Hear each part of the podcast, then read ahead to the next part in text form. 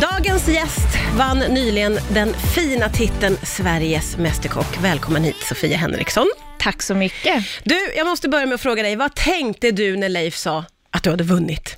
Nej men det blev tomt. Det blev världens blackout. Jag minns absolut ingenting. Jag minns ingenting innan heller i och för sig. Att jag stod i det där rummet och väntade på att få resultat, för jag var så nervös. Men jag kan kolla på det idag och känna att det är ju jag. Ja, du ser men- att det är du. Jag ser att det är jag, men jag har inte varit med om den här situationen. Så det är jätteläskigt att du kolla har på. på riktigt inget minne av själva? Absolut inget minne. Från att vi går in och ska få, liksom, nu ska de säga resultatet, till att vi går ut därifrån, så är det bara tomt. När kommer första minnesbilderna från det här? Nej, men jag minns själva när vi har lagat färdigt desserten, jag och Edvard, vi kramas och känner att så här, nu är vi klara, vi, vi gjorde det här liksom. Ja. Och jag minns när jag sitter, för efter finalen så sitter man i så här ett rum där man pratar in till kameran, synkar som det kallas. Och jag minns att jag sitter där och de säger åt mig så här, är du inte glad? Och jag är bara i chock. Och jag säger, glad för vad då? vad är det som har hänt? Vi ska få svar snart.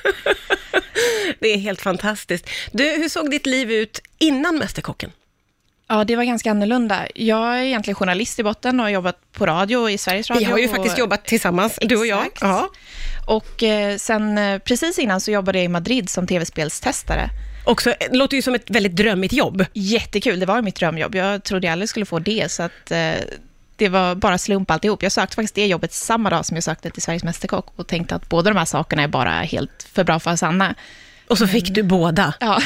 Men hur var det då? För då, hur fick du göra med tv-spelsjobbet i samband med eh, inspelningen? Jag fick säga upp mig. Så när jag kom till topp 12 så fick jag gå och snacka med min chef och han blev jätteupprörd. Men eh, ja, jag fick säga upp mig direkt. Och, och vad sa han till dig angående det här? Han eh, sa att eh, det är ju i alla fall inte Big Brother du ska vara med i, men du måste till att vinna alltihop för att det ska vara värt det i alla fall. Det är otroligt kaxigt att kunna komma tillbaka och säga ja, jag vann. Det är ju helt vansinnigt. Jättebra ändå, känner jag. Det var verkligen värt det då ju. Ja, ja, det får man ju verkligen säga. Det är ju magiskt att, att få följa någon som man känner lite på TV så här. Hur var det för dig att vara med i programmet? Nej, men det var jättekonstigt när det började sändas. Det var skönt på ett sätt, för då kunde jag ju berätta för kompisar och sånt vad jag hade hållit på med Ja. de senaste månaderna. Men att titta tillsammans med någon gjorde jag helst inte. Det var något avsnitt jag såg med en kompis, men annars så ville jag helst kolla på det och gömma mig lite bakom en kudde och titta på en jätteliten skärm och försöka bara ignorera att, eh, att jag var med och bara se mina kompisar, de andra deltagarna, när de tävlade. Ovant att se sig själv naturligtvis. Det är så himla märkligt. Men hur var det när ni spelade in då? Hur var hela den erfarenheten? Ja, men det var också väldigt konstigt. Jag har aldrig varit i en tv-produktion förut och man ser ju inte att ett så här 40 minuters avsnitt är två dagar egentligen, två hela dagar som vi spelar in.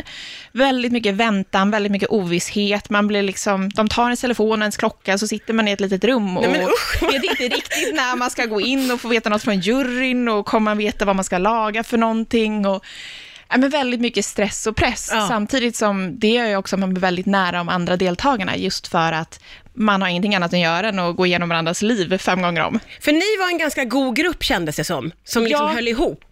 Absolut, vi var jättegoda vänner, hela bunten. Jag har hört att tidigare år har det varit mer konkurrens liksom, mellan Ja. deltagarna. Ja. Vi var bara hur glada som helst att vi fick umgås hela tiden, så att det var ingen konkurrens där egentligen. Hur var det då med juryn, så att säga? Vad får man för relation till eh, Mischa och Marcus och Leif? Äh, men man får inte jättemycket relation till dem i början, mer än att man får ja, men kommentarer på ens mat helt enkelt. Men annars, så, i och med att de ändå ska kunna vara objektiva, så hänger de inte med oss. De får inte sitta och käka lunch med oss, eller sitta Ah. och snacka och så hänga vid kaffemaskinen, utan de eh, försvinner bort i sina små rum och sånt, så att man blir lite nyfiken på dem. Sen är det klart att ju längre man kommer i tävlingen kanske man ändå hinner fråga någonting och lära känna dem lite bättre. Ja. Men eh, de är ganska hemlighetsfulla faktiskt. Alltså, hade du någon favorit i juryn innan du var med i programmet? Ja, men alla tre, jag tycker Mischa är så otroligt häftig. Jag vill bara ha en podd där jag bara hör henne prata Ja. om smaker oavbrutet, för det är så himla härligt att höra henne göra det. Men eh, annars också Leif är en legend och Marcus är otroligt skicklig, så att, eh, jag gillar hela bunten.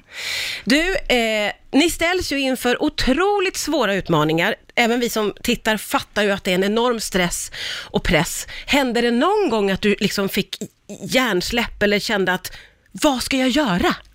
Ja, men det händer ändå ganska mycket, för det är inte som att laga mat hemma. Framför allt kunde det vara att jag helt plötsligt märkt mig själv, jag har 60 minuter på mig och jag tänker nu är jag på po- potatiskroketter som jag ska fylla med parmesan, som jag aldrig gjort i mitt liv. Jag har inget recept, jag har ingen aning om man ska ens göra det. Och så står man där och lagar någonting man aldrig har gjort förut och tänker, är jag helt knäpp nu? Eller vad händer? Och man tar ut stekpannor ur ugnen utan grytvante och så tänker man att det här var dumt, nu brände jag med hela handen. Så tar man nästa hand, för man tänker att vänsterhanden går väl bättre. Åh, gud, För man är så stress- stressad så att man liksom har inte någon sorts uppfattning om vad man ens håller på med. Nej, herregud. Ja. Men du, eh, nu då? Nu är det ju en väldigt, väldigt speciell tid för alla eh, naturligtvis. Mm. Men eh, om du ändå får liksom eh, blicka framåt, hur, hur hoppas du att din framtid ska se ut? Nej, men jag hoppas väl på att kunna jobba med mat, absolut. Och det kan jag ju redan till att börja med nu. Men eh, på olika sätt, samarbeten och eh, jobba med sociala medier, även kanske samarbeta med restauranger och någon dag öppna min egen restaurang är väl drömmen i framtiden. Ja, det är det som är liksom målet. Ja, men absolut. Det känns ju som att eh, det är också lite sådär nypa sig i armen, för bra för att vara sann grej. Men det vore så häftigt att öppna sin egen restaurang dag. Men någonting som också är nypa sig i armen-grej är ju att få ge ut en kokbok och det har ju du fått göra nu. Det måste ju kännas helt vansinnigt. Ja, det är jättekonstigt. Varje gång jag ser den så känner jag att men det är jag på framsidan och det är liksom mina recept och mina berättelser och eh, det är jätte, jätteroligt att få faktiskt ha den i liksom fysisk form, känna Ja. på den. Ja, det är jätte, jätteroligt att du ville komma och hälsa på. Jag är jätte, jätteglad för din skull. Stort grattis Tack till den här snälla. fina titeln och tack Kul för att du kom här. idag.